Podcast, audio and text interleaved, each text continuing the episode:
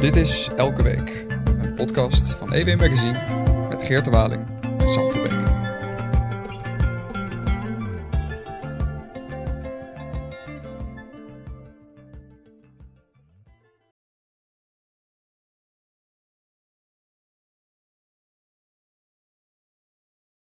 De oude Grieken die zeiden al dat uh, de, eerste, eerste slachtoffer in uh, oorlog uh, de waarheid is.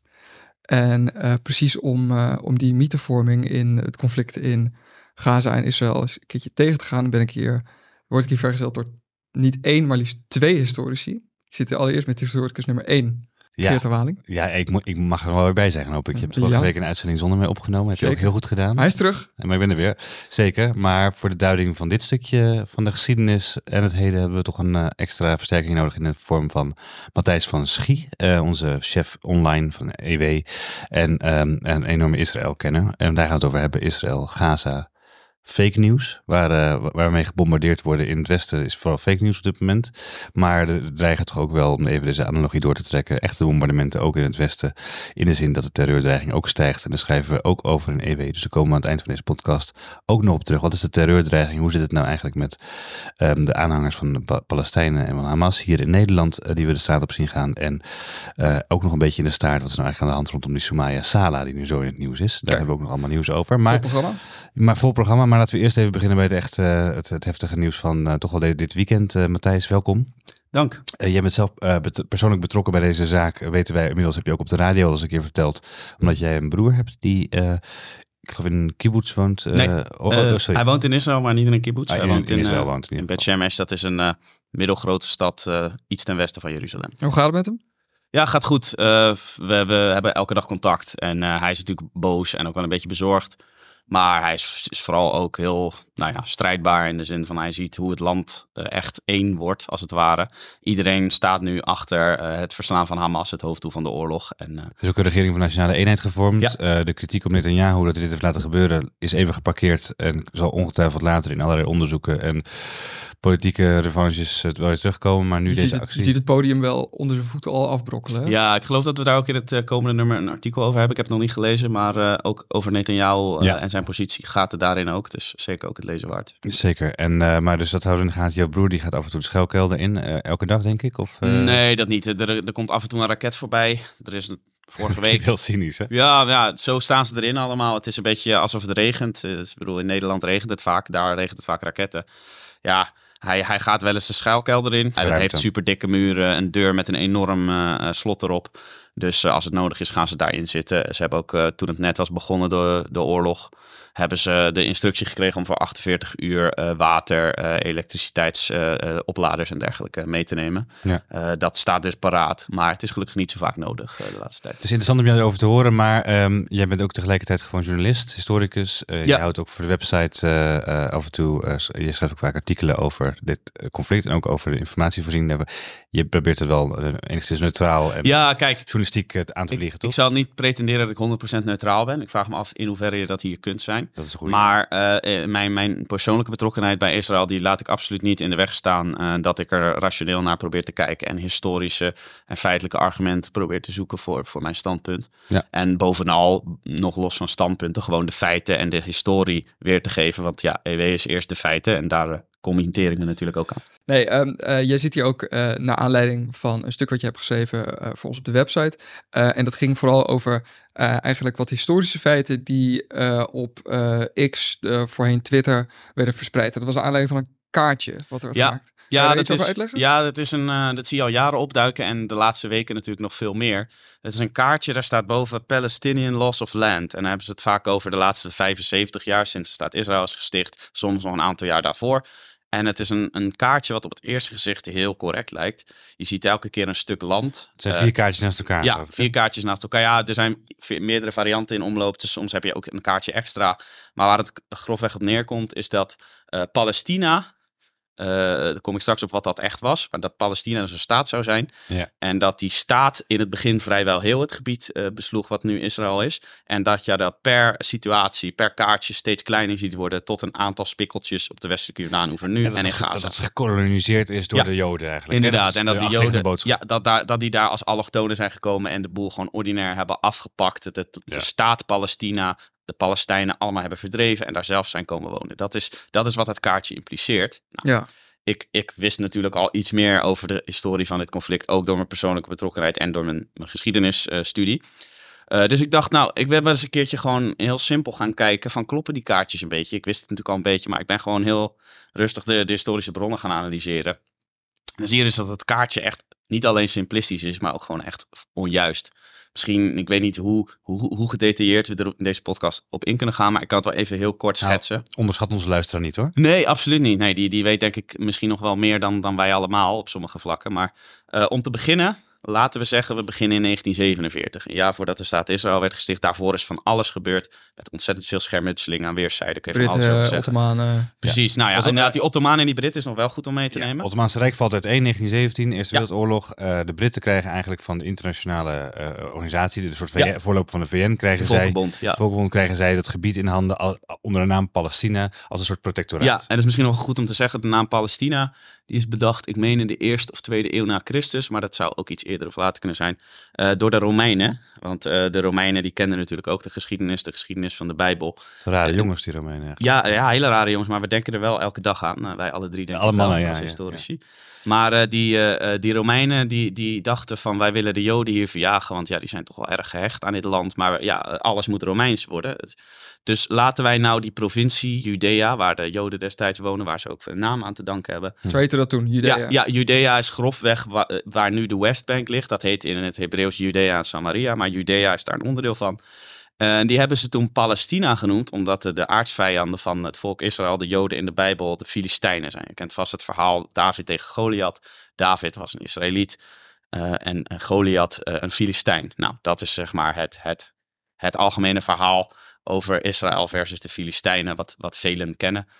En eh, nou ja, toen hebben de Romeinen gezegd, we noemen dat Palestina, dan gaan we alle herinneringen aan, aan de Joden uitwissen. De Romeinen hebben ook de tempel Toen moest het verwoest. hele land naar de Filistijnen, zal ik maar zeggen. Het hele land is toen naar de Filistijnen geholpen.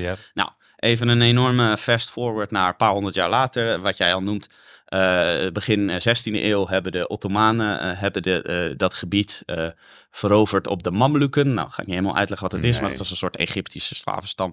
Ehm, in ieder geval, toen hebben de Ottomanen daar 400 jaar eh, over geheerst. Het is een gebied waar wel wat gemeenschappen woonden, voornamelijk Arabische, maar ook wat Joden. Die zijn daar ook nooit weg geweest. Eh, en vervolgens inderdaad, het viel uiteen. Eh, eh, het Ottomaanse Rijk hield op te bestaan eind Eerste Wereldoorlog. Het Toen kwamen de Britten, die, die Ja. kwamen even langs. eh, de Britten die waren de overwinnaars van de Eerste Wereldoorlog. En zoals het gaat in een oorlog, zal straks nog vaker ter sprake komen. Als jij in een oorlog wint, dan bepaal jij wat er met het land gebeurt. Of althans de Volkenbond in dit geval. Dus de nog een sterker mandaat. Kregen daar een, sterk, een, ster- een groot stuk van de taart. Kregen ze Precies, een, ja. een groot stuk van de taart. Het is ook een prettig stuk om te zitten, het Suezkanaal, daar zat. Ja, we lagen, lagen wel mogelijkheden inderdaad. Maar op dat moment was het nog wel een vrij eh Onherbergzaam gebied. Eh, eh. Mark Twain schreef ook in de 19e eeuw, dat is een beroemde quote, over dat het een vervallen en doorland was en dat het een pijn deed wat er van het heilige land was verworden. Dat schreef hij in een van zijn boeken. Eh, maar in ieder geval, de Britten die hebben toen eh, gedacht, wat moeten we daarmee aan? Nou, Britten hebben er ook op bepaald opzichten niet altijd een even frisse rol gespeeld. Joden en Arabieren tegen elkaar uitgespeeld. Maar toen was er op een gegeven moment, er kwamen steeds meer Joden al gedurende de 19e eeuw daarheen, vluchtend voor het antisemitisme. Nou, het kwam natuurlijk tot een climax na de Holocaust. Toen heel veel Joden eh, in die aanloop daar naartoe en kort daarna naar Israël of naar, naar Palestina trokken, het mandaatgebied Palestina. Toen hebben ze gezegd, nou, we hebben, je zit hier met eh, een paar honderdduizend Arabieren, dat waren er 700.000 ongeveer, en met 400.000 Joden, wat moeten we hier nou mee? Laten we een verdelingsplan gaan maken. Dat besloten de Verenigde Naties. Nou, het verdelingsplan staat allemaal ook in kaartjes in mijn stuk inderdaad. Dat eh, was als volgt. eh, Staat in de show notes. Ja. ja, dit, dit, dit is 47. ja, dit is 47. Eh, in dat verdelingsplan eh, stond een staat voor 56% toebedeeld aan de Joden en voor 44% aan de Arabieren. Dan denk je misschien, hè, wat raar, die Joden die waren zwaar in de mi- minderheid. Waarom kregen die 56% en Arabieren maar 44%? Nou, een deel daarvan, een groot deel daarvan, is dat de Negev-woestijn, dat is de woestijn waar al die kibbutzen liggen die nu zo zijn eh, afgeslacht in, eh, op 7 oktober. Rondom Gaza, ja. Ja, rondom Gaza, de Negev, waar ook dat festival was, waar al die mensen zijn, zijn eh, vermoord. Eh, de Negev was een volledig onherbergzaam eh, gebied waar je eigenlijk niet kon bouwen, waar je niet normaal kon leven. En dat was een heel groot stuk braagliggend woestijn waar je een paar Bedouinen had. Verder eigenlijk bijna niks. Je kon er ook geen gewassen verbouwen. Nee, je kon er eigenlijk niks op dat moment. Nou, zoals we weten, dat de Joden zijn best wel goed met ontzilting en met eh, irrigatie en dergelijke. Toen hebben ze dat stuk aan de Joden gegeven, niemand wilde het toch hebben. En de Negev-woestijn is van het huidige Israël 55 procent. Ik heb het even nagezocht. Zo. Dus even ter context, als je zeg maar het bewoonbare land zou mededelen, eh, als je het bewoonbare land zou eh, eh, bekijken, dan hebben de Arabieren daar veel meer van toebedeeld gekregen. En daarbij moet ik nog zeggen, dat is echt cruciaal. Ik hoop dat ik daar binnenkort nog wat meer over kan schrijven. Is dat in begin jaren 20 was het Britse mandaatgebied Palestina was niet alleen maar het stukje wat nu Israël is, maar was inclusief Jordanië. Dat Ja. heette toen Transjordanië aan de overkant van de Jordaan. Ja, de Westbank, eh, wat we kennen, is natuurlijk de westelijke Jordaan-oever, Ja. maar de oostelijke Jordaan-oever, dat is een heel groot gebied. Ja, en dat was 80% van het Britse mandaatgebied. Wat, wat grappig is, is dat Geert Wilders al jarenlang zegt, en daar wordt vaak lacherig over gedaan, maar hij heeft wel ergens een puntje. Hij zegt, Palestijnen hebben al lang een eigen staat, en dat is Jordanië. Jordanië is Palestina, zegt hij altijd. Nou, dat is misschien wat te simplistisch in, in de context van het huidige conflict, maar feitelijk gezien zit Historisch er gezien zit er uh, ja, snijdend hout. 80, 80% van, van het Palestina, zoals de Britten dat kregen na de eh, Eerste Wereldoorlog, bestaat uit Jordanië. Dat heette toen Transjordanië. En dat is, nou ja, later is dat Jordanië genoemd. Het is ook heel moeilijk om te kijken naar decolonisatiepolitiek van 80 jaar geleden en dan te zeggen van nou, dat hebben we toen keurig geregeld. Ja, nee, dat is nooit zo. Dat is, er gaan altijd natuurlijk worden, eh, hele gemeenschappen worden daar zwaar door benadeeld. Arabische gemeenschappen zeker ook in die tijd. Dus Er zijn, veel, er zijn veel Palestijn- Palestijnen die, eh, of Arabieren, laten we het even zo zeggen, die, die woonden in de, de kustgebieden die nu onderdeel van Israël uitmaken, zijn ook gevlucht naar, de, Ja. na, naar deze verdeling die even schrijft naar, aan de overkant van de Jordaan, naar Jordanië toe. Ja. Ook naar Egypte, ook naar Libanon, maar vooral heel veel naar Jordanië ook. En die leven nu nog steeds, geloof ik, voor een groot deel ook in vluchtelingen. ja, die hebben een permanente vluchtelingenstatus. Althans, dat is er zijn wel tweede of derde of vierde generatie vluchtelingen zijn. Ja, dat is eigenlijk ongekend in de wereld. Eh, je hebt inderdaad, normaal gesproken ben jij vluchteling. En dan als je kinderen krijgt, dan zijn die kinderen geen vluchteling meer. Want dan wonen ze waarschijnlijk ergens anders. Ja. Eh, maar eh, de Palestijnen, de, wat we nu de Palestijnen noemen, zijn daar de enige uitzondering op wereldwijd. De Palestijnen die worden inderdaad nog steeds tot de vluchtelingen gerekend. En die hebben als enige ter wereld een eigen VN-vluchtelingenorganisatie. de VN UNRWA. ja, UNRWA inderdaad. Die zie je ook in het huidige conflict regelmatig genoemd worden. Ja. Maar eh, we, we hebben dus een normale vluchtelingenorganisatie van de VN. Dat is de UNHCR. En dan hebben we UNRWA. En dat is United Nations Refugee Works Agency for Palestine. Daar staat het geloof ik voor. Ja. Nou, dat is apart. Maar goed, daar zal ik nu niet over uitweiden. Dit is ook waar Nederland, eh, geloof ik. eh, Ja, Nederland doneert daar ook aan. Het hele Westen doneert gretig aan die organisatie. Nou, je kunt daar van alles van vinden. Dat is wellicht voor een andere keer. Maar eh, inderdaad, die Palestijnen werden vluchtelingen. Na de de hele multifunctionele waterleidingen aangelegd ook daarmee met dat geld, die je ook als raketten kunt ja, ja, multi, multifunctionele waterleidingen. Dat is heel handig. maar goed, even, gaat het terug naar je verhaal. Het is Ja. historisch, ja. Eh, ja, wat jij noemt is inderdaad dat de, dat de, de Arabieren Palestijnen zijn verdreven. Dat wordt de Nakba genoemd. Dat hebben we vaak, eh, krijgen, zien we dat in de kranten. Catastrofe. catastrofe inderdaad. En wat, wat nooit eigenlijk wordt genoemd, en daar hadden we van de week een heel goed oud stuk over op de website van onze oud-collega Ronit Palash. Ja. Eh, over de bijna 1 miljoen Joden die uit de Arabische wereld zijn verdreven tegelijkertijd. En het interessante is natuurlijk ook dat die Joden, ik ken er ook een aantal, ik ken iemand met voorouders in Irak bijvoorbeeld, eh, die nu in Nederland woont. Die Joden die worden nooit eh, omschreven als vluchtelingen. Die Joden zijn doorgegaan met hun leven, die hebben in andere landen een nieuw leven opgebouwd. Eh, maar daar gaat het eigenlijk niet over, want die willen ook niet zo graag de slachtoffers daarvan uithangen. Die willen liever door. Maar klopt dat, wat ik heb begrepen, ehm, dat de moslims in de Arabische wereld, laten we zeggen, dus de Arabische wereld is grotendeels moslim, laten we even dat, dat die helemaal niet zo anti-Joods waren.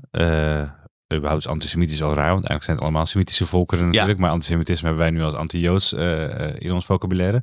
Eh, maar dat die, eh, totdat de, de, staat Israël werd gesticht, helemaal niet zo anti-Joods waren, maar dat ze eigenlijk vooral die, laten we zeggen, de zuivering van Joden ook uit de Arabische wereld, de anti-Joodse houding, de Jodenhaat, eh, in de Arabische wereld eigenlijk ook als reactie is ontstaan op... Ja, dat is eh, niet helemaal waar. Dat is, Joodse dat is iets te simpel gezegd. Dat zeggen met name pro-Palestijnse activisten heel graag. ja. Dat is niet helemaal waar. Je hebt, eh, deze, dit fake nieuws even. Ja, nou ja, in 1929 is bijvoorbeeld een pogrom geweest eh, in, in Hebron. Dat is, Hebron is wat nu op de westelijke Jordaanoever ligt. Ja.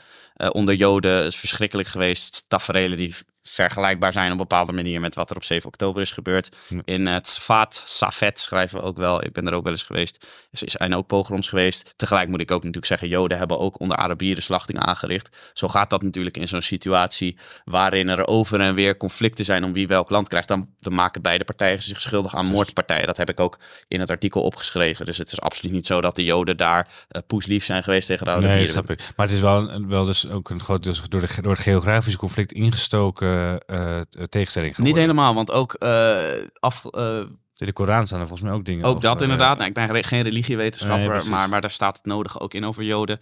Eh, maar het is ook zo dat in de Ottomaanse tijd, ik heb daar laatst eventjes, dat is natuurlijk nooit een bron die je 100% eh, eh, moet, eh, zeg maar, moet aanprijzen, maar op Wikipedia heb ik even een lijstje zitten bekijken van eh, eh, massacres in eh, Ottoman eh, Palestine. En daar zie je ook dat er heel veel pogroms zijn geweest door de eeuwen heen toen de Ottomanen daar heersten. Dus het is absoluut niet zo geweest dat daar alles pijs en vrede was tot, tot daar de westerse kolonialisten kwamen. Kijk, hebben we dat gedebunked? Ja. We hebben inmiddels ook, jij was nog steeds bezig met het verhaal te vertellen, maar om even op, op hetzelfde spoor te blijven, je was nog steeds aan het uitleggen dat eigenlijk het mandaatgebied Palestina en het gebied dat de Romeinen al Palestina hebben genoemd, dat het helemaal geen eigenstandige staat was, laat staan een nazistaat met een eigen volk. Nee, Heel- verre van. Er woonden heel diverse mensen, er woonden ook mensen van verschillende religies natuurlijk. Ja. Er woonden volgens mij ook nog wel een aantal christenen. Christenen, eh, Druzen, Druzen, Dru- Beduïnen, Druzen, Joden, Ja, van alles. dus het is al heel, heel, heel divers, zou je tegenwoordig Ja. zeggen. Ehm, en bovendien dus niet echt de Palestijnse identiteit. Als je zegt, ik ben pro-Palestina of Pa- Palestine shall be free. Nog even los van dit decreet die daar aan Ja. vasthangt. eh eh, daar komen we misschien zo nog op. Maar is dus eigenlijk een... Je wil een nieuwe staat, Palestina. Je wil niet terug naar een oude staat. Nee, die oude staat heeft nooit in die zin bestaan zoals die nu werkt. En dat is misschien een goed bruggetje om gelijk door te gaan naar het vervolg. We, we waren dus bij dat verdelingsplan van de VN. Eh, We waren in 1947. ja, precies. En, en eh, Sam houdt even de tijdlijn bij. misschien goed om bij de volgende stappen er iets sneller doorheen te gaan. Ondanks dat er ook heel veel over te zeggen valt, maar met oog op de tijd. Sam knipt het allemaal uit, joh. Ja. Dat is goed. Om te beginnen, 1948, of nou ja, 1947 overlopend in 1948, hebben de Joden direct gezegd: Oké, dit doen we jongens. Eh, twee staten eh, voor twee volkeren: een Arabische staat eh, en een Joodse staat. Nou, vervolgens werd eh, door de Volkerenbond werd in grote meerderheid ingestemd met dat verdelingsplan, maar natuurlijk niet door de Arabische landen eromheen. Toen met de Verenigde Naties. eh, inmiddels. Ja, want Of ja, de Verenigde Naties, Ja, ja. sorry, je hebt gelijk. Dat was toen de Ja. 45 de Verenigde Naties geworden. Goed dat je het zegt. er waren 13 tegenstemmers. En dat Ja, waren, 13 de, waren de Arabische buren. Ja, grotendeels wel. En ik meen, nou ja, nog een aantal, volgens mij de Sovjet-Unie ook, maar dat weet ik niet 100% zeker. Dus als ik het niet goed heb, moet je het eruit Die lieten ook vrij snel van zich blijken, geloof ik. Hè? Ja, nou en of. Want die, op de dag dat David Ben-Gurion, naar wie nu het vliegveld in Tel Aviv is vernoemd, eh, de, de staat eh, Israël uitriep, eh, werd onmiddellijk Israël door vijf omliggende landen, meen ik, eh, binnengevallen. Door Egypte, door Syrië, door Jordanië, door Libanon. Ja, Ehm, er en dan- Irak. Irak misschien. ook. Ja, Irak weet ik niet zeker. Dacht ik ook inderdaad. Eh, er kunnen er ook vier zijn geweest. Maar in ieder geval wel met steun ook inderdaad van landen als Irak. Voldoende. Ja, voldoende. En toen is er dus een onafhankelijkheidsoorlog geweest. eh, zoals het in Israël noemen. De, de meer neutrale kijker zegt de, de Arabisch-Israëlische oorlog. Nou, die werd tegen eigenlijk alle verwachtingen in. Werd die eh, een jaar later eh, winnend afgesloten door Israël. En wat er toen gebeurde is dat Israël eigenlijk eh, veel meer veroverde dan ze aanvankelijk waren toegewezen gekregen. Ik noemde het net al even, als je een oorlog wint, die, zeker als je hem niet zelf begint en je verovert het gebied, dan mag je dat houden. Dat is hoe het internationaal oorlogsrecht ook werkt. Eh, en vervolgens was het zo dat er eigenlijk twee delen waren, grofweg. Nog wel meer, maar dat is voor de huidige situatie iets minder relevant. Eh, Gaza eh, was in handen van Egypte gebleven. En Jordanië was in handen van, of sorry, en de West-Jordaanhoever was in handen gevallen van Jordanië. Dus dat is even gezegd dat zeg maar, eh, het was niet zo dat er toen Palestijnse gebieden waren. Er was toen een Jordaans gebied. Er was nog steeds geen Palestina. Nee, er was nog steeds geen. Palestina als in een staat. Het was, de West-Jordaanhoever was van Jordanië. eh, Gaza was van Egypte. Nou, vervolgens eh, is dat zo doorgegaan tussen 48 en 1967. 1967, dat was een, eh, een oorlog met een flinke aanloop. Het was eigenlijk heel grof gezegd. Misschien zeg ik het een klein beetje te veel in het voordeel van Israël, het zo te zeggen. Maar ik denk wel dat veel historici erover eens zijn dat het grofweg zo is gegaan. Dat de landen om Israël heen, die wilden eigenlijk Israël nog steeds niet erkennen als land. Die zijn toen Israël op allerlei manieren dwars gaan zitten. Eh, De, de, volgens mij Jordanië begon met, samen met Egypte de wateroorlog. Die wilde de watertoevoer naar Israël eigenlijk afsluiten. Mhm.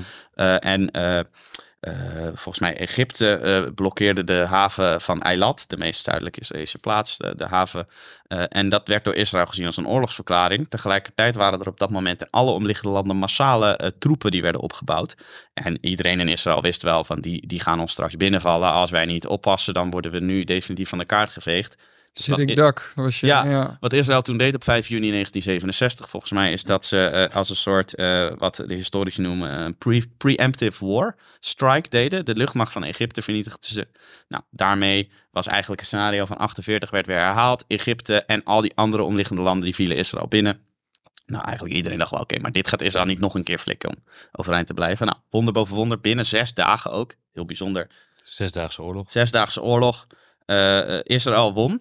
En Israël won zo overweldigend dat ze zowel eh, de westelijke Jordaan-oever veroverden op Jordanië als Gaza op Egypte. En de Eh, hele Sinaï. en de hele Sinaï-woestijn inderdaad. Nou, eh, dat was toen allemaal in handen van Israël. Is dit ook waar die permanente oorlogscultuur van Israël vandaan komt? Dat zij vanaf het afsluiten Ja. van, van die strijd in, eh, in de jaren 40 eh, tot aan, eh, de, eh, weet je, 20 jaar later, Ja. dat ze altijd is een soort van staat van paraatheid Ja, zeker. Want je weet, al die landen om jou heen, die willen jou niet erkennen. Die willen jou eigenlijk het liefst van de kaart vegen. Dus je moet altijd inderdaad paraat staan voor als iets gaat gebeuren. Dat zie je natuurlijk vandaag de dag ook nog.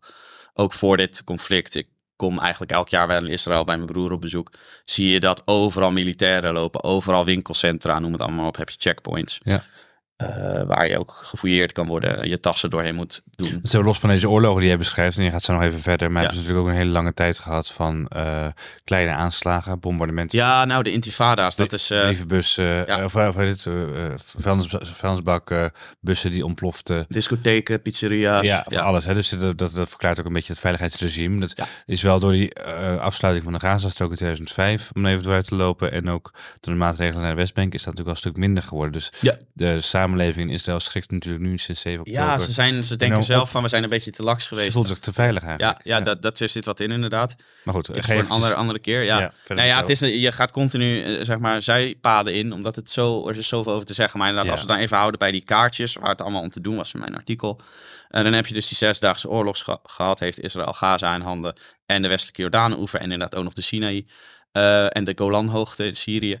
Ehm, maar eh, wat je toen had, is eigenlijk, nou in 73, wat Sam al zegt, die permanente oorlogscultuur, dat is ook nog eens bijgekomen dat de Yom Kippur-oorlog toen kwam. Dat komt in al deze kaartjes nooit voor, omdat er na 73 geen eh, verandering is geweest van wie welk land Maar beheerst. het was weer een aanval van alle kanten op eh, de grote Ja, Verzoendag. weer begonnen op, inderdaad op Grote Verzoendag. Een van Israëls, eigenlijk Israëls belangrijkste religieuze feestdag. Nou, de parallellen met wat er op 7 oktober is gebeurd zijn ontzettend interessant. Omdat dat was Simchat Torah. Dat is eigenlijk de viering van de Torah. Eh, dat Israël die heeft gekregen, eh, eh, zeggen ze, van, van God. Om de, Dus die, de, zwa- de Zwarte Sabbat, zoals Ja. het nu wordt genoemd, hè, was eigenlijk ja, ook een... inderdaad. Nou, is. Grote Verzoendag is eigenlijk een rouwdag en geen feestdag. Dan vragen ze vergeving voor een zonde. Simchat Torah is een dag om te vieren dat je de wet hebt gekregen. Dat je, zoals zij het zeggen, Gods volk bent. In ieder geval, die Yom Kippur-oorlog, daar was dus geen territoriale verandering. Dus die slaan we even over. Eh, dan komen we in begin jaren negentig terecht. Begin jaren negentig was eigenlijk wel langzamerhand de consensus van ja, Jordanië en Egypte zitten daar nu. Maar ja, we moeten toch die Palestijnen, die toen ook al een aantal jaren eerder, decennia eerder, een eigen beweging hadden opgericht, de PLO, de, de Palestinian Liberation Organization van Yasser Arafat, eh, hebben opgericht. Die moeten we nu toch echt wel een keer die staat gaan geven. Nou, er zijn de onderhandelingen Ik gekomen. voel eh, de, de, de stad Oslo in de buurt komen van deze. Daar, heb je, zit je goed. Maar het interessante is, dat zei Arjen Lubach geloof ik ook van de week in een aardige uitleg, ook van dit conflict. Hij was overigens ruim een week nadat ik mijn artikel schreef, wil ik even Nee, gezegd hebt hebben. er vast gebruik van gemaakt. EW eerst en ook eerste feiten. maar eh, eh, wij, eh, even kijken hoor, waar waren we? Ja, waren bij de Oslo-akkoorden. Inderdaad, toen ging het dus... Yitzhak Rabin, de toenmalige premier van Israël, en Yasser Arafat, die gingen onderhandelen in Oslo met Amerikaanse bemiddeling. Vervolgens kwamen ze in 94 overeen dat er inderdaad twee Palestijnse eh, staten moesten komen, of eigenlijk één staat verdeeld over twee gebieden, in Gaza en in de westelijke Jordaanoever. En dat daar de Palestijnse autoriteit moest worden opgericht die daar zou gaan regeren. Nou, er zijn allerlei afspraken gemaakt over verdeling van gebieden. Want het was niet zo, wat mensen tegenwoordig ook vaak denken, is dat heel Gaza en heel de westelijke Jordaanoever aan de Palestijnen werd toebedeeld. Zo was het ook niet. Er is in, op de westelijke Jordaanoever over zogenoemde A, B en C gebieden eh, eh, besloten. Dat zou ik niet over uit. Dat is super ingewikkeld. Maar waar het op neerkomt is, je hebt gebieden die volledig onder Palestijns zelfbestuur vallen. Daar mogen ook geen Joden wonen. Eh kan je ook weer van alles van vinden. B is een soort mix. Dat Israëlische leger daar de, de veiligheidssituatie regelt. Maar de Palestijnen regeren. Als ik het even grof zeg, het Ja. kan dat ik hier en daar een foutje maak. En Vergeet C me. zijn de settlements Ja, eigenlijk. C van, eh, zijn inderdaad Joodse dorpen van Joodse Israëli's die dat bouwen en in eigen beheer hebben. Nou, dat, Ja. die laatste, dat C, dat is een vrij groot deel van dat gebied. Daar is nu heel veel over te doen. Maar dat heeft nu niet direct te maken met Gaza. Uiteindelijk natuurlijk. Want die settlers die breiden zich steeds ook u- u- uit. Ja. En er is allemaal eh, die settlement politi- politiek die wordt toegestaan door, eh, Ja, klopt inderdaad. Nou, door Israël. Maar goed, daar gaan we nu even niet Nee, op gaan in. we nu niet op Ja. in. Dat is ook super interessant. Daar is ook veel meer over te zeggen dan wat je vaak hoort in de media. Maar laat- en hij zit over radicale standpunten en eh radicale Absoluut. Dus types, de toch? hele radicale types onder die settlers, die vinden er mag niemand wonen. Maar er zijn ook heel veel settlers, dat moet wel even gezegd worden, die gewoon zeggen er ligt hier een braakliggend stukje land. Ik wil daar graag een Joods dorp bouwen. Daar liggen historische Joodse wortels. Er woont verder niemand. Die heb je ook, hè. Maar je hebt ook settlers inderdaad, die Palestijnse eh, steden slopen. En olijf, Die, ja, en dat is, zo, dat ja. is natuurlijk zeer afkeurenswaardig. En we, we hebben nu ongeveer ruim 1800 jaar aan, eh, aan geschiedenis hebben we eventjes doorgefietst. Ehm, eh, we zijn, inmiddels zijn we zover dat er in principe nog steeds geen Palestijns land is of een natie. Nou, nu wel. Nu, Nu naar wel. Oslo. Naar Oslo, de Oslo-akkoorden, die zijn ondertekend in Washington Maar er is nog steeds geen natiestaat, toch? Het is Nou, niet dat er een nee, twee staten oplossing, maar er is het land waar Palestijnen wonen. Ja, en, en wat deels wordt eh, geregeerd door Palestijnse politici. En- dus in die zin kun je dat, met, met inderdaad wat ruime interpretatie, kun je dat een echt een Palestijnse staat noemen. Die overigens nog steeds niet wereldwijd werd erkend. Nee. En daarom is het bijvoorbeeld ook geen land bij de Verenigde Naties zoals andere, maar een land met een waarnemersstatus, geloof ik. Maar er is, er is wel natuurlijk in, in zeker in de, in de, sinds het bestaan van Israël, is er zoiets gecreëerd als een Palestijns volk. Ja. Dat misschien, misschien daarvoor veel minder was. Ook Yasser Arafat, die, die zei dingen als wij Palestijnen stammen af van de oorspronkelijke Filistijnen Ja, die hier als wat helemaal eerst niet waar waren. is een soort, soort, kijk, elk volk heeft een soort ontstaansmythe nodig. Wij hebben Bataven, hè? wij hebben dat Ja, ook inderdaad. Ja, Tuurlijk, dus tuurlijk. of je dus meug. Eh, eh, maar dat, ehm, er, er is natuurlijk wel een, eh, de, de mensen die daar wonen, die hebben wel natuurlijk een, een zekere cultuur die verbonden is aan dat land. eh, eh, Zeker. Is, is daar ontwikkeld. Absoluut. Dus die mensen inderdaad, die hebben toen eh, zeg maar een eigen land, gek- van eigen staat gekregen, waar inderdaad wat haken en ogen aan zaten. Maar grofweg was dat een eigen staat na de Oslo-akkoorden, getekend in Washington, om het nog wat verwarrender te maken. Eh, met Bill Clinton als president, meen ik. Ja. 94, ja. Zeker. Nou ja, vervolgens werd het een tijdje, ging het zo door. Eh, je had dus nogmaals in Gaza, had je de Palestijnse autoriteit en op de Westelijke Jordaanhoeven in bepaalde delen. Eh, gaan we even weer een stap van 11 jaar zetten we naar 2005. Daar hadden Ja. wij eigenlijk kort na 7 oktober ons eerste grote verhaal. Daar hoor je nu veel over, want dat gaat over Gaza. Ja. Israël zat nog in Gaza, maar dat was tegen de, Ja, tegen van de Daar Palestijnen. heeft onze eh, adjunct hoofdredacteur en buitenlandcoördinator Robert de Witte heel goed verhaal over geschreven toen eh, over hoe Israël in 2005 Gaza volledig opgaf. Netanyahu eh, die was daar destijds heel erg tegen, maar de premier destijds Ariel Sharon die vond dat dat gebied beter om allerlei strategische redenen, het was echt niet allemaal goedheid van hem, dat hij dacht geef dat maar allemaal aan de Palestijnen, laat ze het helemaal zelf doen, eh, besturen en alle Joodse nederzettingen daar weg. Dat ging om 10.000 Joden ongeveer. Gush Katif is de belangrijkste Joodse nederzetting geweest in Gaza. Nou, dat werd allemaal ontruimd. Dus ook dat is een misverstand dat Gaza volledig Palestijns was. Dat is eigenlijk tot heel recent. Klopt, dat is in de Oslo-akkoorden was daar gewoon nog ruimte voor Joden om te wonen. Twintig jaar geleden woonden er nog 10.000 Joden en een paar Ja. twee, jaar later. Zoals het eigenlijk in het hele Midden-Oosten is gegaan. Dat heel Ja. veel Joden gewoon weg moesten uit hun Arabische landen waar ze zaten. Eh, nou ja, toen is Gaza dus inderdaad door, de, door Israël volledig ontruimd. Van En- alle Joden. En volledig vergrendeld. volledig vergrendeld. Is wel gradueel gebeurd. Eh, want dat is misschien, jij noemde net al heel goed eh, de, de intifada's. Dat is eigenlijk gebeurd aan de vooravond van de Oslo-akkoorden. Dat was de directe aanleiding voor de Oslo-akkoorden. Palestijnse eh, radicalen die begonnen aanslagen te plegen in het openbare leven in Israël. Omdat zij die eigen staat wilden hebben. Dus in discotheken, in pizzeria's, op scholen, noem het allemaal maar op. Bliezen ze zichzelf op of pleegden ze, legden ze bommen om, om te zeggen... jongens, Israël, als jullie dit niet aan ons gaan geven... dan gaat het maar op, de, op deze manier. Dus Ja. daarom is Ariel Sharon daartoe overgegaan. Dat, dat speelt mee inderdaad, maar dat was eigenlijk primair Oslo. Dat, dat, of zeg maar, dat was primair de, de aanloop naar Oslo, maar toen is er nog een tweede intifada geweest. En dat was eh, inderdaad een aantal jaar voor eh, eh, de ontruiming van Gaza. Ik meen rond 2000 zijn is er weer een reeks van al die aanslagen geweest. Eigenlijk inderdaad, nou je zou denken ze hebben toch een eigen gebied. Ja. Maar eigenlijk omdat ze nog steeds vonden dat de Israëls invloed, Joodse invloed daar te groot was, hebben ze weer allerlei aanslagen gepleegd. Toen inderdaad 2005 de ontruiming van Gaza. Nou, dan zijn we er bijna. Als het gaat om de historie van Zijn er het nog? We zijn wakker. Ja, ja. daar gaan we nu. Ik hoop dat, in, dat mensen niet in slaap zijn gevallen, maar ik denk het niet, want het houdt jouw tempo eh, zeker niet hoor. Gelukkig. Nee. Maar Vervolgens kreeg je dus, eh, nou ja, eh, Fatah zat daar toen. Dat was eigenlijk de, de, de, de, de militante arm van de Palestijnse autoriteit. Fa- Fatah is overigens in Nederland en in het Westen gewoon een terreurorganisatie. Dus dat was niet een soort van eh, bestuurlijke normale entiteit. Dat was de gewapende arm van de Palestijnse autoriteit. Die regeerde in Gaza eh, tot 2006. En 2006 waren de verkiezingen, de laatste verkiezingen tot nu toe in Gaza. En, en die werden? Hamas. Hamas. En dan zijn we waar we nu zijn. Dan zijn we ongeveer waar we nu zijn, inderdaad. En Fatah is in de tussentijd volgens mij wel een stuk eh, vreedzamer geworden. De, eh, althans, een, part- een, een partij waarmee Israël meer kan onderhandelen, maar die Ja. eigenlijk weinig te zeggen heeft meer. Hè? Ja, klopt. De, En de Westbank nog wel een beetje, Ja. maar Het is ook een beetje de vraag hoe vredelievend Fatah is. Dat kan je natuurlijk moeilijk inschatten. Kijk, dat is natuurlijk met de, met de Palestijnse autoriteit op de Westbank ook interessant. Is dat daar inderdaad mensen zitten die niet zo, zo radicaal uitspreken. Die niet zulke radicale dingen doen als Hamas. Nee. Maar er zitten wel mensen. Mahmoud Abbas is de Palestijnse president, wordt hij genoemd. Ja. Die heeft volgens mij een thesis geschreven over hoe de Joden de Holocaust eigenlijk aan zichzelf te danken hebben door hun handel in geld en hun speculeren, noem het allemaal maar op. Eh, dat, dat, dat is algemeen bekend. Hij heeft in de Sovjet-Unie gestudeerd. Hij heeft ze met het antisemitisme wat daar al... eh, Paplepel erin wordt gegooid. Ja. Eh, daar heeft Abbas zijn these over geschreven. Dus ik wil wel even zeggen dat ik niet denk dat dat zeg maar een soort geen lieverd. D66-achtige eh, bestuursorganisaties zijn. nee, Diversiteit en inclusiviteit is niet de hoogste waarde die ze daar hebben. ik kan wel andere Nederlandse politieke partijen bedenken die ik meer aan dat soort eh gedachtegoed leer. Maar laten we daar niet over hebben. De, de, Oké, dus, dus Gaza eigen bestuur, maar eigenlijk Hamas won daar en heeft zich sinds 2005, 2006 dan de verkiezingen gewonnen, maar heeft zich daar opgewerkt tot en de, dus de burgerlijke autoriteit. Ja.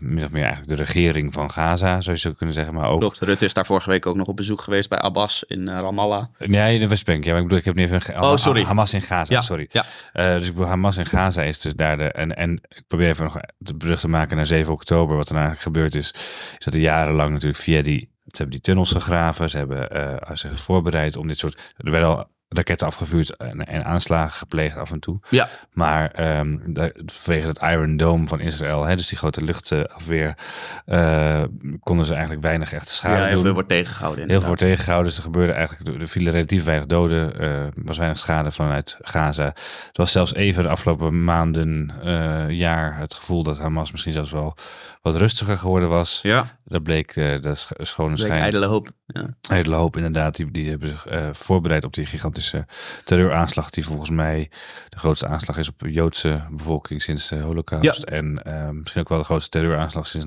9-11 die wij meemaken. ja, dat denk ik wel. Ja, relatief voor Israël is het natuurlijk veel groter dan 9-11. Op Groter. 9-11 vielen 3000 doden op een bevolking van 300 miljoen. En in Israël vielen- bijna 1500 doden op een bevolking van 8, 9 miljoen. Dus Ja. ja, het is relatief nog een stuk heftiger geweest. Hey, wat is nou, ehm want we, we hadden net over die kaartjes. Ja.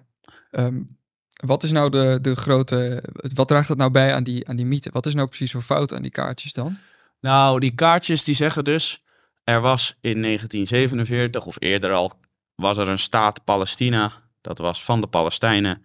Eh, die hadden daar grenzen, een eigen regering, noem het allemaal maar op, internationaal erkend.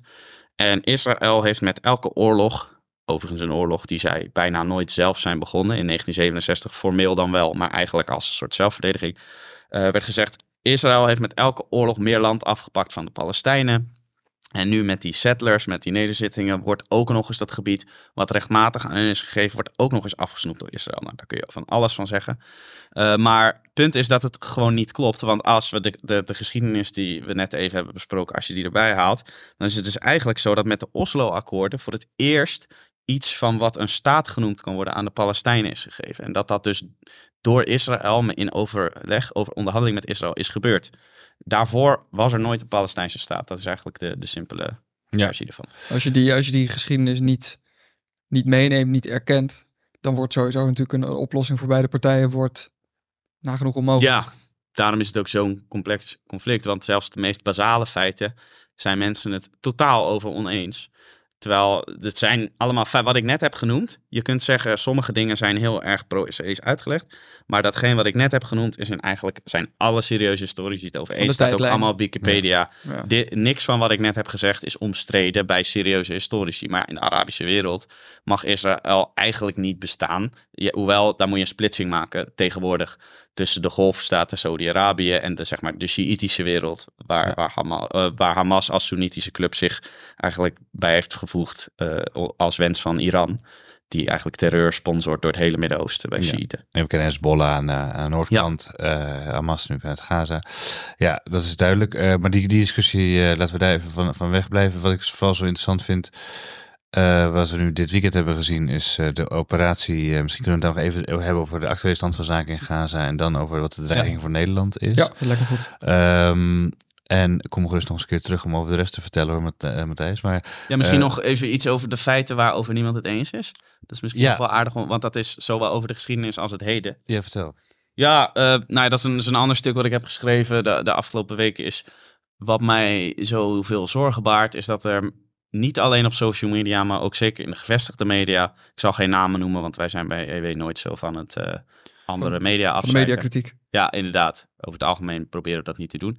Maar dat er ontzettend veel onjuiste informatie of onverifieerbare informatie naar buiten is gebracht. Het bekende voorbeeld, wat we natuurlijk allemaal weten, is de explosie op het Al-Ali ziekenhuis in Gaza. Ja, daar werd met dus, Robert de Wit inderdaad. Ja, inderdaad. Ik zal niet uitgebreid erover hebben, maar uh, kort gezegd, uh, uh, heel veel media melden direct dat het een Israëlische raket was. Bleek en een afgezwaaide raket van Palestijns islamitische jihad. En dat er 500 doden waren gevallen, ja. dat helemaal niet het geval bleek te zijn. Wat ze binnen een kwartier al hadden geteld. Ja. Terwijl in Israël komen de dodentallen, die worden telkens bijgesteld de afgelopen weken, omdat het veel tijd kost om doden te tellen, om vast te stellen of ze echt dood zijn. Noem het allemaal maar op. Ja, identificatie. Dus dat had al voor journalisten een aanwijzing moeten zijn van misschien is dit niet helemaal zoals het nu wordt gemeld. Ja, de, de heigerigheid is misschien ook, daar hadden we het ook even over. Uh, uh, ik denk dat het uh, verdeels ook is toch het gevoel van het is nieuws, we moeten het brengen, anders krijgen ja. het verwijt.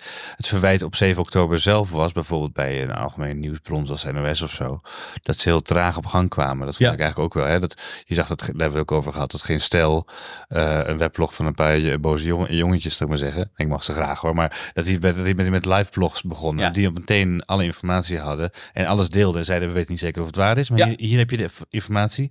En uh, we, we, houden u op de hoogte. Ja, we checken het als we dat kunnen. Ja, en, en NOS... Tot, dus, tot dan toe staat het tussen aanhalingstekens. En urenlang bracht NOS enkele tientallen raketten afgevuurd op Israël. Uh, en kwam er helemaal niks door van, ja. van, de, van de gijzelingen, de moordpartijen, dus de afslachtingen. Precies. Uh, in, die, in de kibbutz en zo. Dus het is, zou dan misschien ook de angst zijn geweest van journalisten, een soort van reactie daar weer op van als er nieuws is, moeten we het snel brengen? Ja, er zit wat in.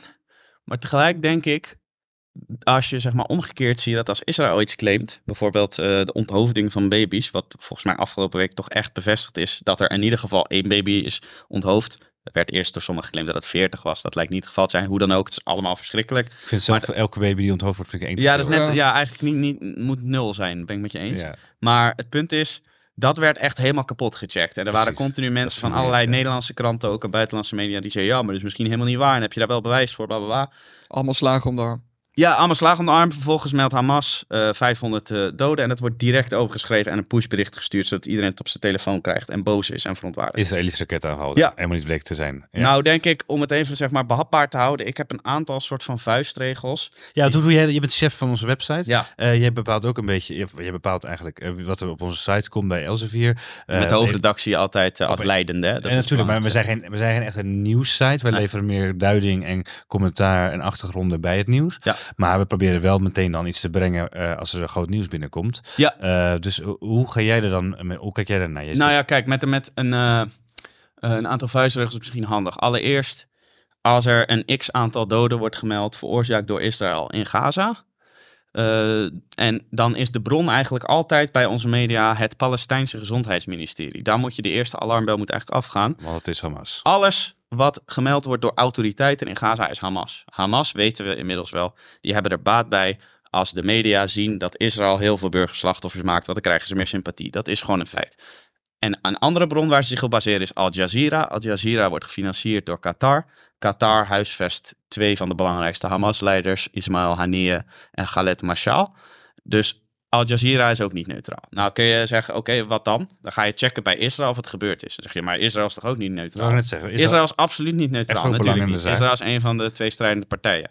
Maar wat een belangrijk verschil is tussen Israël en Hamas, is dat in Israël persvrijheid bestaat. Dus wat een journalist kan doen, is hij kan vragen aan de Israëlische autoriteiten van het leger van, hey, hebben jullie dit gedaan? En als ze dan nee zeggen, dan kunnen ze zeggen, ja, maar ik heb daar en daar bewijs gezien dat het wel zo is. En Natuurlijk, Israël gaat dan heus niet direct zeggen, ja, je hebt eigenlijk wel gelijk. Kijk, een voorbeeld wat ik in mijn artikel heb genoemd, is vorig jaar tijdens uh, schermutselingen tussen Israëlische soldaten en uh, uh, strijders van de islamitische jihad. Dat is die club die ook die raket heeft afgevuurd. Tijdens die vuurgevechten is er een journaliste van Al Jazeera, Shirin Abu Akleh, die is gedood door een kogel. Uh, en daar werd door, ook weer door, door de Palestijnse autoriteiten daar werd direct gemeld dat Israël dat had gedaan. Ja. Uh, nou, dat kan natuurlijk goed. Uh, vervolgens zijn media dat gaan checken bij Israël. Israël zei, ontkende dat. Zeiden nee, waarschijnlijk zijn ze geraakt door een kogel van Palestijnse. Zeiden nou, heel lang onderzoek naar gedaan. Uiteindelijk New York Times. Die heeft gezegd, we hebben zoveel bewijs aan de kogel te zien enzovoort. Heel knap hoe ze dat hebben onderzocht. Israël heeft het gedaan. Geraakt zijn door een Israëlische ja, kogel. Ja. Nou, vervolgens heeft Israël toegegeven en excuses aangeboden in mei dit jaar, wel laat. Ze hebben excuses aangeboden. Wij hebben inderdaad, wij zijn verantwoordelijk voor de dood van Shirin Abu Akleh, journalist van Al Jazeera. Hebben ze dat erkend? Hebben ze erkend. Uh, en dat is denk ik illustratief van Israël verspreidt ook nepnieuws. Israël is ook bezig met de propagandaoorlog te winnen, zoals iedereen dat doet in een oorlog. Ja. Maar bij Israël kunnen derden, journalisten, die kunnen checken of dat echt gebeurd is of niet. En die worden niet de cel ingegooid of vermoord als zij de, het, zeg maar, het verhaal van de autoriteiten tegenspreken. Dat is een heel belangrijk verschil. Zelfs de New York Times kan dat checken. Precies, de New York Times. De New York Times kan dat checken. De New York Times kan dat checken, ja. Ja, en ik vroeg me ook even af van het verhaal van uh, 500 doden bij die zogenaamde Israëlische raketaanval. Klopt er allemaal niks van. Uh, hooguit enkele tientallen doden op een parkeerplaats. Ja, misschien maximaal 100 werd geloof ja, ik door een Amerikaanse... raket. Ik wil even niet uh, over dat, dat, maar dat, de berichten klopten gewoon duidelijk niet. Er is natuurlijk niemand in Gaza of zelfs in de hele islamitische wereld volgens mij die dan de, het narratief gaat herstellen. Zeggen, oh, dit klopt eigenlijk Nee, niet. want ze hebben er belang bij dat aan hun zijde zoveel doden vallen. En ze hebben er natuurlijk ook... Uh, Want er, er, gingen meteen, ook tot en met Londen, ja. uh, Amerika, gingen er enorme demonstraties de straat op. Er zijn zelfs uh, Joodse bedrijven, mensen zijn bedreigd. Synagoges, synagogen aangevallen. aangevallen. Deuren waar hakenkruis en Davidsterren op werden gezet als een markering van hier wonen Joden. In, in Duitsland. Ja, in Frankrijk er was er iemand om het leven gekomen? Ja, dat was volgens mij niet direct in reactie op die raketa, op die, zogenaamde raketaanval. Maar er was zo dat nieuws, ik noem het ook wel, ik heb met tijdens mijn studie dat wel eens geleerd, heet het Thomas-theorema. Dat is een, Oh, de, de, sociologie. Uh, als dingen voor waar worden aangezien, zijn ze waar in hun consequenties. Ja. Uh, dus dat betekent dus als de hele islamitische wereld, inclusief de, de moslims en de radicale moslims, laat ik het netjes zeggen, in het Westen, als die geloven dat er 500 doden zijn gevallen bij een aanval op een ziekenhuis, een raketaanval door Israël, dan kun je dat uh, eigenlijk, dan is het, is het waar in zijn gevolgen. Ja. Dan worden dus demonstraties gehouden, worden zelfs eventueel, als, je, als, je, als het echt ver genoeg gaat, aanslagen gepleegd, op basis van fake nieuws eigenlijk. Precies, ja, en dat is interessant. Dat, dat laatste wat jij zegt, dan ga ik toch één medium noemen, heel kort. Dat is een uh, journalist voor NRC, Carolien Roelands. Ja. Die twitterde kort na die uh, uh, explosie in het ziekenhuis. Twitterde ze iets wat volgens mij echt het allerergste is wat je als journalist kunt zeggen. Zij schreef: Wie er nu echt achter de aanval op het ziekenhuis zit, doet er niet toe.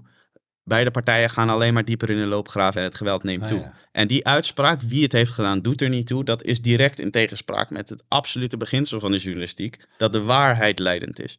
Misschien kan, uh, misschien Ja, maar ik geloof dat RSC, die, ja, die hebben wel sorry gezegd, geloof ik, op, Ja. uh, op de radio. En Nou- verder, verder ergens op pagina 14. Ja, drie dagen later. Ja, ze hebben een tweet geplaatst onder de tweet waarin ze zeiden dat het een Israëlische aanval was. Hebben ze het hersteld. En een paar dagen later kwamen ze alsnog met cijfers over dat de Hamas over de aantal doden aan beide zijden, alsof dat tegen elkaar opweegt of zo. Hè? Dus eh, on- onschuldige burgers. Ja, ze hadden nog Rusland-Oekraïne erbij. Dat ze zeiden, er zijn Ja. nu al in Gaza meer kinderen gedood Precies. eh, dan sinds de inval van Rusland in Oekraïne in 2021 En- schreven ze, wat 2022 Ja. natuurlijk was. Maar gelukkig waren er genoeg mensen op Twitter die zeiden, jongens, eh, dit zijn cijfers van die kinderen, zijn cijfers in Oekraïne zijn cijfers van Rusland die je aanhaalt. En die cijfers van Palestijnse dode kinderen zijn cijfers van Hamas die je aanhaalt. Dus dat kun je helemaal niet zo zeggen. Dus dat artikel hebben ze heel tegen hun eigen redactiestatuut dit toch weer moeten verwijderen. Ehm, laten we het inderdaad bij onze collega's bestjes daarbij houden. Ja. Ehm, Ja, misschien kunnen we het even en hebben schijnt Caroline Roeland zo goed te zijn in het organiseren van groepsreizen naar Saudi-Arabië. Dat is Dus waar. Misschien moeten we dat gewoon, moesten we dat gewoon blijven doen. Als je er graag Misschien- naartoe wilt. Misschien kunnen we het even hebben over het, eh, het Thomas-theorema waar je het over had. Want eh, jij hebt ook weer meegewerkt aan een artikel wat Ja. gaat over de, de, de,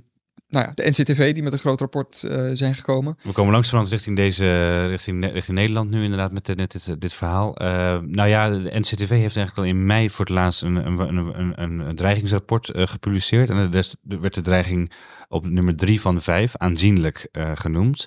Is nog niet Eh, meegenomen met natuurlijk de aanslagen van, Nee, eh, nee, van dus dat- afgelopen maand. Het was afgelopen voorjaar, dat was wat wel, het wel is meegenomen zijn een aantal Koranschendingen, zoals dat werd genoemd, in Nederland. eh, of de dreiging daarvan, eh, waardoor dus ook in de eh, eh, Arabische wereld, of in de islamitische wereld, zal ik maar zo zeggen, eh, en onder radicale moslims in Nederland eventueel een neiging zou kunnen zijn. Er is een aanslag vereideld op het consulaat in Wat is, een. Koran, wat is een Koranschending? Een verbranding of een verscheuring. Zoals in ja. Zweden bijvoorbeeld is gebeurd. Ja, en dat is in Nederland ook gebeurd. Er zijn Korans verscheurd en verbrand of er is mee gedreigd. En dat is in nieuws gekomen. Dus eh, in, in Istanbul is, heeft de Turkse regering bijvoorbeeld een aanslag, serieuze aanslagpoging op het Nederlands consulaat vereideld. Hm. In eh, februari uit mijn hoofd of in januari.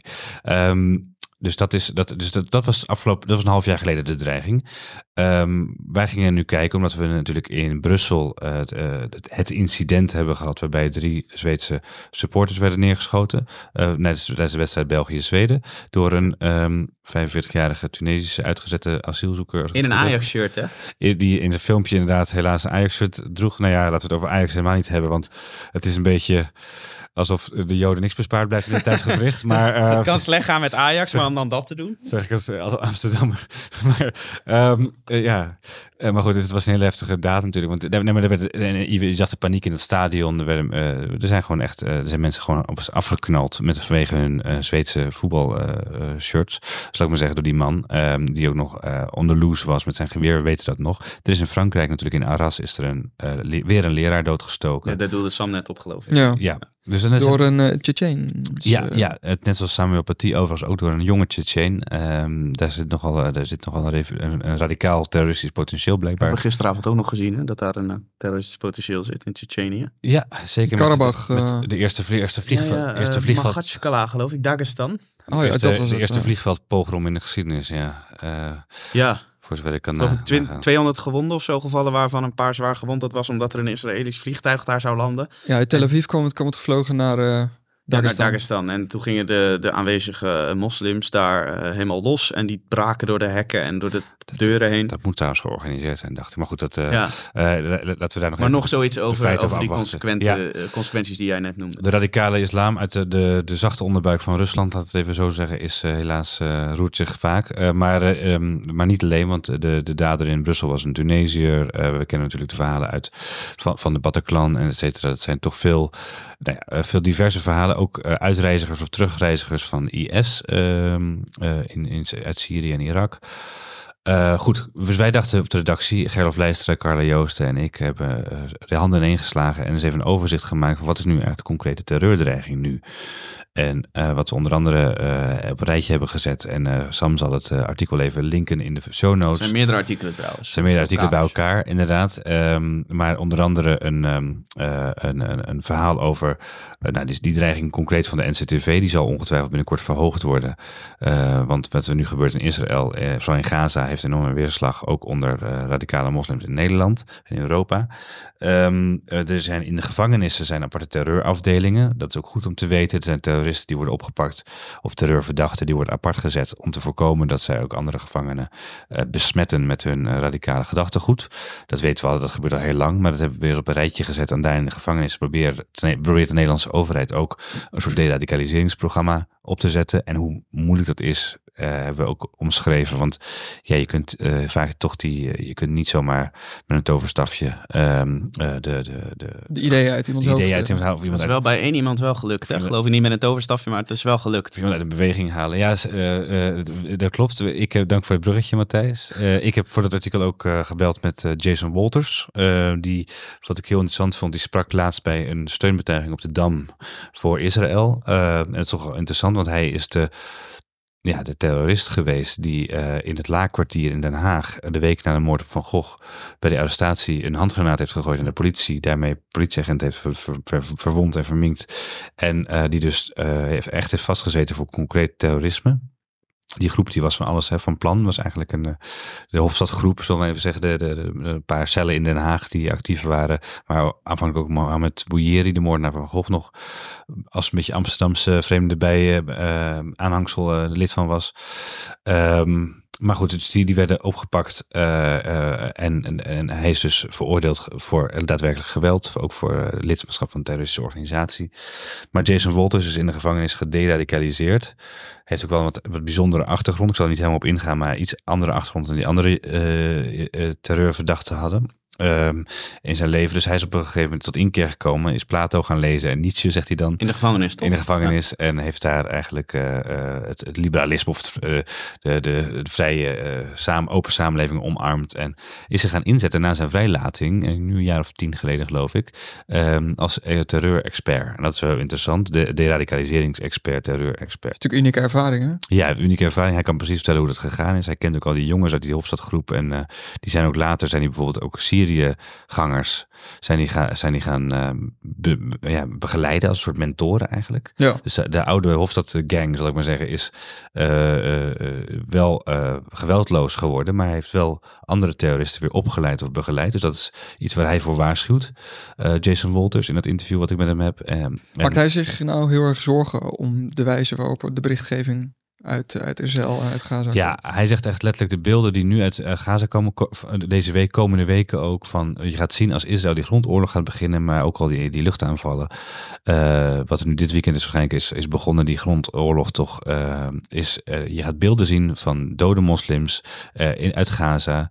en of die beelden kloppen of niet, dan gaan Nederlandse moslimjongeren gaan daar enorm door uh, uh, verslag zijn. Dus die gaan boos zijn, die gaan verdrietig zijn, die gaan de straat op, maar die gaan misschien ook wel, voor zover ze al radicaal geradicaliseerd zijn, gaan ze proberen wraak te nemen. En dat is wel iets een grote waarschuwing. Ik weet niet hoe Matthijs daar, uh, naar kijkt. Maar Jason Walters waarschuwt ja, er echt voor. Ja, waar ik op even op aansloeg is wat jij zei, die beelden of die kloppen of niet. Nou, dat, dat haakt natuurlijk weer in op mijn stuk over nepnieuws. Ja. Uh, even vooropgesteld, er vallen veel Palestijnse doden, onder wie ook veel kinderen en vrouwen. En dat is verschrikkelijk. Ja. En ik zou willen dat die allemaal in leven zouden blijven en dat ze kunnen vluchten naar het veilige zuiden. Laat dat even voorop staan. Maar dat heb ik in mijn artikel ook uh, heb ik een voorbeeld van gegeven van een, van een filmpje op Twitter. Er worden ook ontzettend veel uh, gewoon beelden in scène gezet. Er is een beeld dat geloof ik door een Nederlandse oorlogsjournalist in het Midden-Oosten is gedeeld met echt 145.000 volgers of zo. Dus geen kleine jongen. Van een ziekenhuis. En het is interessant is, je ziet daar een ziekenhuis in Gaza ergens. Uh, hoewel dat niet eens bekend is waar het is. Maar dan zie je precies op het moment van filmen gaan de ambulance deuren open. Er worden allemaal vrouwen en kinderen naar buiten gedragen. Aan wie veelal helemaal geen verwondingen te zien zijn. Of er komt wat bloed op dat lichaam, maar je ziet niet waar de oorsprong van dat bloed ligt. Dus of er een grote wond is of een lichaamsdeel of zo wat ontbreekt. Ja. Nou goed, je ziet nog allerlei rare dingen op dat filmpje uh, waar, waar je van denkt van... hé, hey, klopt dat allemaal wel? Nou, ga het filmpje vooral bekijken in mijn artikel. Mm -hmm. Maar het punt is een beetje, uh, als jij echt met een kritische journalistieke blik naar sommige van die filmpjes... sommige zeg ik erbij, heel veel zijn natuurlijk echt echte filmpjes, echte beelden... maar sommige van die filmpjes, dan zie je gewoon, dit, dit klopt niet. Het is in scène gezet. Ja.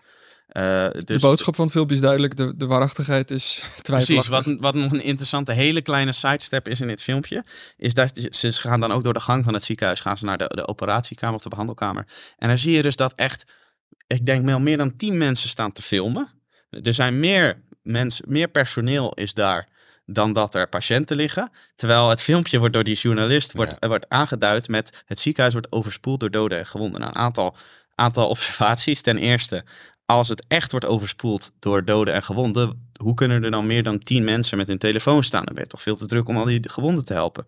Ten tweede, er wordt vaak gezegd er is geen enkele elektriciteit meer in Gaza. Inmiddels is dat misschien op sommige plekken zo, maar op heel veel plekken ook niet. Er zijn ook gewoon social media accounts waar je nog steeds het openbare leven in Gaza kunt zien zoals het nu gaat. Ja. Maar als er echt geen elektriciteit meer zou zijn, hoe komen al die mensen dan een opgeladen telefoon waarmee ze kunnen filmen? Zomaar een paar voorbeelden dat je Nee, denkt, met een slag om de arm of die beelden kloppen. Het beeld dat wij krijgen is al heel erg be- beïnvloed. Ik, ik ken ook een Twitter-account dat, dat twittert over de, de, de luxe villa's van alle Hamas-mensen. In Shin En, is dat. Ja, en die, eh, die laat zien dat er een hele andere werkelijkheid ook is in Gaza voor een bepaald heel klein deel van de bevolking. Ehm, maar laten we even de Thomas-theorema weer aanhalen. Eh, namelijk, als die beelden gezien worden, dan zijn ze eigenlijk waar in hun gevolgen. Ook Dat is niet- zeker waar. Ja. Wat, wat gezien wordt als waar, is waar in zijn gevolgen. Dus dat geldt ook voor de, voor de potentiële eh hele, hele, jihadisten in, hele punt van propaganda. in natuurlijk. Nederland. Ja. Ja. Dus die worden geactiveerd, die cellen die worden geactiveerd af voor zover ze geradicaliseerd zijn of die radicaliseren verder. En dat is waar Jason Walters voor waarschuwt. En dat is echt een paar, een paar hele interessante opmerkingen in dat interview. Dus ik kan het zeker aanraden. Ehm, we hebben ook nog even gekeken naar de gemeente, wat die eigenlijk doen. Want eh, deradicaliseringsprogramma's liggen bij gemeenten. Er wordt best wel veel geld eh, eh, uitgegeven, wordt gecontroleerd door de IVD, gek genoeg. Ehm, eh, aan tonnen, zelfs aan een gemeente als Nune krijgt tonnen eh, voor het deradicaliseringsprogramma. Eh, dat is heel interessant. Wat maar zit er in Nune? ja, dat, dat heb ik nog even niet opgezocht, maar dat is al ongetwijfeld een, een familie. Classified. eh, Misschien een, een familiewoner van een Syriëganger of zo. Maar dat, hou me even ten goede. Maar Oh, de Vincent van Gogh daar niet op? doen we het van, goh, ja, dat, dat Vincent en niet Theo. niet Theo, nee. Maar mag ik, de- de- het punt is dat volgens mij daar de, dus die gemeente weet natuurlijk ook niet precies wat ze, hoe ze dat moeten aanpakken. Eh, ze hebben wel allerlei, Jason Wolters zegt dan er is eigenlijk tussen 2004 en 2020 ongeveer zou je kunnen zeggen, is er best wel veel eh, geïnvesteerd in netwerken, in kennis, in ook ambtenaren die radicalisering herkennen. De straatcoaches, politie, maar ook gewoon gemeenteambtenaren die te maken hebben met maatschappelijke problemen. En erachter komen, hé, hey, die, die jongen of dat gezin is misschien wel erg eh, aan het afdrijven van onze open samenleving. Ehm, dus hij zegt van, nou, er is wel wat hoop. Eh, je kunt nu even niet zoveel, de komende weken kun je niet opeens gaan deradicaliseren. Dat, dat lukt niet meer, daar moet je heel lang in investeren. Maar er is geïnvesteerd in allerlei netwerken. De overheid kan die netwerken weer activeren en kan weer proberen in ieder geval op de hoogte te zijn van dreigingen. En misschien ook wel ehm, eh, toch eh, eh, weer, weer opnieuw in te zetten in echt ja, bij de wortel aanpakken van dit probleem. Hm. Hoe lastig dat ook is, om dat toverstafje heb je gewoon niet. En we hebben ook nog even gekeken naar een ander verhaal van een eh, ex-terrorist. En dat is namelijk Sumaya Sala. Ja. En dat is natuurlijk wel even boeiend, want dat staat in onze productie was dat onderdeel van het verhaal. Namelijk, zij heeft ook, is ook gederadicaliseerd. Over, overigens deels in de gevangenis samen met Jason Walters. Ze heeft een tijdje op een vrouwenafdeling gezeten, maar mocht op een gegeven moment ook met de mannen eh, in contact eh, zijn. En heeft met Jason Walters samen filosofen zitten lezen. En is Hmm. eigenlijk een beetje samen opgetrokken, want zij waren de enige twee die echt deradicaliseerden en eh, de radicale islam loslieten. En zelfs überhaupt de islam geloof ik loslieten. Ehm, maar Sumaya Sala is eh, gek genoeg altijd een beetje in opspraak gebleven. En dat is iets wat we hebben gemerkt vorig jaar. Geert, kwam dat Jason Walters iets verder van de politiek is afgebleven, denk ik. precies, dat is het. Jason, Ja. En Jason Walters heeft volledig en ruimhartig erkend dat hij schuldig is geweest. Dat hij terecht zijn straf heeft gekregen en die heeft uitgezeten. En eh, bij Sumaya Sala is dat altijd een beetje dubbel geweest. Er zijn wat rechtszaken in hoger beroep. Dat is zelfs in cassatie geweest. Een deel van de haar te lasten gelegde feiten zijn weer, het zijn, niet, zijn uiteindelijk niet eh, geverifieerd, geloof ik, eh, door de, door de hoge rechter. Maar eh, zij is daadwerkelijk terecht veroordeeld geweest. Alleen, zij heeft altijd, altijd een beetje van gezegd, ja, dat was het niet echt. Ik ben eigenlijk onderdeel geworden van een ja, rechtelijke dwaling bijna. Terwijl ze wel gewoon een straf heeft uitgezeten. En ook heeft, heel duidelijk heeft gemaakt dat ze gederadicaliseerd is. Is bevriend geraakt met Frits Bolkestein. Ehm, eh, eh, de oude VVD-leider. En eh, uniek is uniek Ja, is. bijzonder verhaal. Gede gederadicaliseerde, eh, ja. Nou, ik heb haar ook wel eens ontmoet. Zij is ontzettend charmant en een leuke vrouw. En heel, eh, ja, wie zou zeggen, pittig. Dat klinkt een beetje seksistisch. Maar eh, gewoon een heel sterk karakter. ja. En ik kan me voorstellen dat zo'n Bolkestein, die houdt daar wel van. Die, die, die, die houdt van, van slimme, scherpe jonge vrouwen. Zeker als ze uit de islamitische wereld komen. Zo zag je dat ook weer Nayaan, toch? En die, en die kennis hebben, ja, uh, Ayaan, ik ken nog wel een paar voorbeelden die, eh, die, van mensen, die, vrouwen die hij om zich heen verzamelde, die, waar hij dan toch ook van hoop van zag voor de, voor de nieuwe generatie. Dus goed, even alles. eh maar dat hele verhaal van, van Sumaya Sala krijgt nu wel een beetje een staartje. Omdat zij ook bij de VVD actief was in een, een soort praatgroep. Eh, zelfs als een soort tafelvoorzitter fungeerde. Als actief VVD-lid zou je kunnen zeggen. Niet een betaalde functie volgens mij hoor, maar wel een actieve vrijwillige functie. Wilders uh, heeft, daar heeft daar toen een enorm punt van gemaakt, omdat zij ook in de Tweede Kamer kwam. En uh, Geert Wilders natuurlijk enorm bedreigd wordt. En echt niet fijn vond dat er in de Tweede Kamer een veroordeelde terrorist ja. Uh, rondliep. Geert Wilders gelooft ook niet in deradicalisering. Nee, Geert Wilders gelooft daar niet in. ik moet zeggen dat ik dat wel een beetje lastig vind, want dan kun je nooit, hè, dan kun je dus nooit, als je op jonge leeftijd daarin meegegaan, kun je nooit eigenlijk meer echt terugkeren in de samenleving. Maar goed, de, de, de, onze overheid denkt er anders over, want zoals onze collega Carla Joosten ontdekte, heeft Sumaya Sala inmiddels al drie keer een verklaring omtrent gedrag gekregen. Voor haar werk in het onderwijs, voor haar werk in de politiek, voor, waarschijnlijk voor de VVD en voor haar werk voor de GGD in coronatijd. Dus kun je nagaan, uh, dat is ook een punt wat uh, afgelopen week op de agenda is gezet. Onder andere door Pieter Omtzigt in de Tweede Kamer, ja. die kritische vragen heeft gesteld over een mevrouw die, een andere mevrouw die bij vluchtelingenwerk werkte. En die dus toegang had tot de gegevens van gevluchte Jezidis, et cetera. Ja, die vrouw heeft bij IS gezeten. En die vrouw heeft bij IS gezeten en heeft dus een, een verklaring omtrent gedrag gekregen. En heeft bij vluchtelingenwerk kunnen werken op zo'n gevoelige positie. Toen dacht uh, Carla Joost, ja, wacht eens even, we zijn dit verhaal aan het maken over de terreurdreiging. Uh, maar Omtzigt heeft zelf heel lang, jarenlang met Soumaya Sala gewerkt. En heeft haar ook in e-mails uh, en, en, bijeenkomsten, ook in de Tweede Kamer, uitgehoord en gevraagd: wil je dit, dat voor me uitzoeken? Wil je niet eens een keer. En wat voor dingen ging dat dan? nou, over de deradicalisering en over de terreurdreiging en zo. Vanuit haar, haar expertise. expertise als, ook als terrorisme-expert of terreur-expert. En dat is helemaal niet per se heel schandelijk, denk ik. Want ik denk dat Soumaya Sala, net als Jason Walters, een heel interessante bron kan zijn voor, uh, voor, voor deradicaliseringsinformatie, zal ik maar zeggen, en expertise.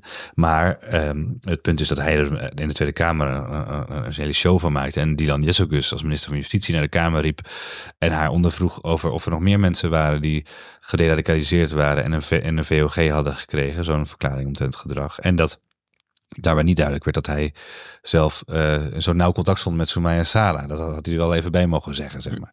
Wat er dan vervolgens ontvouwde, en dat is vanochtend uh, gepubliceerd bij HP De Tijd, is ook nog een stuk van, uh, van Ton F. van Dijk, die hier nog even overheen gaat met een verhaal dat de VVD, dat, dat deze Soumaya Sala de familie Bolkestein, of Frits Bolkestein zou hebben opgelicht voor ongeveer een ton, omdat de, de oude Bolkestein haar promotieonderzoek financierde. Inmiddels is Frits Bolkestein, zo zegt de familie, eh, langzamerhand wel een beetje in de war aan het raken. Ja, dit speelde overigens al een paar jaar geleden. Toen was hij volgens mij nog minder, veel minder in de war. Uh, en hij uh, heeft volgens mij gewoon ermee ingestemd. Dat zegt ook hoogleraar Andreas Kindering uh, in Leiden. Dat, dat Bolkestein Sumaya Sala zou helpen om um, ja, in, in, leven te blijven financieel tijdens haar promotieonderzoek bij Kindering. Ik wil er even van af zijn hoe dat precies gegaan is. Eh, de familie Bolkestein is daar heel erg uh, door, verbolgen over. Verbolgen over. Ehm, Martijn Bolkestein, de neef, is ook een uh, oud-Kamerlid voor de VVD. die heeft dat punt onder andere aanhangig gemaakt. En de VVD heeft besloten op basis daarvan Soumaya Sala als lid te royeren. Wat ik eerlijk gezegd een beetje ver vind gaan. Het is een vrij grote stap in één keer. Want de familie kan ook gewoon een rechtszaak aanspannen, aanklacht indienen. als ze echt vinden dat hun vader of oom is, is, is, is, is om het opgelicht. Ja, maar dus, je weet hoe dat gaat in de VVD. Denk ik, weer, weer die Soumaya Sala. Ja. Weg ermee. Ze wilden er eigenlijk al vanaf waarschijnlijk. Hè? Nou, nou ja, en ik denk eerlijk gezegd dat in dit geval toch uh, de, de, de zachte heelmeesters maken stinkende wonden. Het is nu drie weken voor de verkiezingen. Ik denk dat eerlijk gezegd dat bij de VVD dat ze denken, nou, um, uh, Soumaya Sala kan een rechtszaak aanspannen tegen deze, dit royement, maar dat komt dan na 22 november wel. Zo is het, ja. Um, dus dat, daar zijn we nu van haar af. Ik denk dat dat een beetje de, de neiging is geweest. Maar dit is, dit is echt speculatie mijnerzijds, daar heb ik geen bewijs voor. Um, wat ik wel interessant vind, is dat je blijkbaar een lid zomaar kunt royeren als, je, als er verdenkingen zijn dat een oud voorzitter van je partij of oud partijleider is opgelicht. Het is nog helemaal niet definitief vastgesteld. Wat nee, is dus dat is helemaal heel shady. Maar goed, HP heeft wel een heel interessant artikel, uh, moet ik zeggen hoor, uh, geschreven, Ton F. van Dijk, omdat daar ook in blijkt dat Soumaya Sala weer actief is met twee uh, dragers van de militaire Willemsorde, Roy de Ruiter en Gijs Tuinman. Gijs Tuinman nummer drie van BBB. Is ook actief trouwens volgende week bij ons defensiedebat. Ook wat hij bij ons defensiedebat, extra reden om te komen. Dat is 9 november uit mijn hoofd of 7 november. Volgens mij 7 november. Zet ze ook in de show notes. Ja, er maar even uit, ja. Um, um, en, dus, en dat er daar ook mee uh, in allerlei bedrijfjes dan weer zit, waarbij dan zij ook weer hoofd van Public and Scientific Relations of zo is van een bedrijfje voor een licht, luchtfilters, clean air-achtig apparaat. Het is erg vaag. Het is een heel lang stuk ook uh, van Ton F. Maar ik vond het wel heel boeiend. Alleen de, de, wat er nou precies de smoking gun is. En, en, en, waar, en wat, waar de kogels heen gegaan zijn. En wie geraakt is. Dat is nog een beetje de vraag. Um, je ziet dat er nu wel. Journalistiek gezien bedoel ik dan. Hè, om, om, toch, om het toch een beetje rond te krijgen. Van dat, dat uh, van, de, van de onjuistheden die we vanuit het Midden-Oosten meekrijgen dat er nu al toch al een angst komt ook voor radicalisering hier. Ja. Niet alleen van Jason Wolters, maar, ja. maar ook dat in dat licht wordt er natuurlijk ook nu ja. naar Soumaya Sala gekeken. Ja. Uh, uh, en dat, ja, toch, weet je, we hadden het over, over terrorisme en terreur. Dat zijn die rimpelingen. Dat is de angst natuurlijk die, waar, waar, we hier nu allemaal een beetje mee zitten te worstelen. Ja, mooie link. Ja, nee, dat is. En verder kan ik, kunnen we ook niet zo heel veel over zeggen, omdat het nog steeds allemaal voortschrijdt, deze zaken. Maar in het nieuws ook. Maar ik vind het wel inderdaad heel tekenend dat er nu zo panisch wordt gedaan over een uh, Soumaya Sala. Terwijl zij ook wel heel duidelijk uh, uh, toch ook al geradicaliseerd lijkt te zijn. Zij vorig jaar overigens ook voor het eerst echt openlijk haar excuses gemaakt voor haar terreurverleden.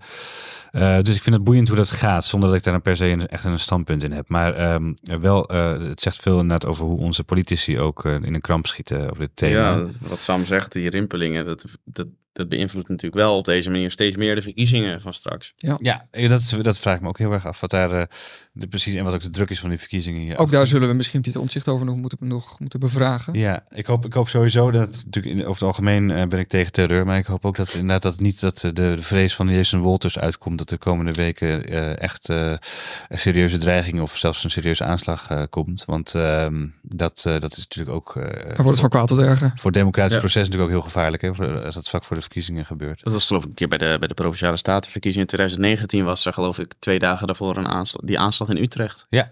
Dat, eh, zou ja, ik weet niet wat voor invloed dat toen heeft gehad. En we hadden natuurlijk eh, het gedoe met minister Kaya uit Turkije, die eh, door Mark Rutte en door Abu Taleb eh, ongeveer met getrokken pistolen het land uitgedreven, uh, de stad, Rotterdam uitgedreven werd en Ja. het land uitgezet werd.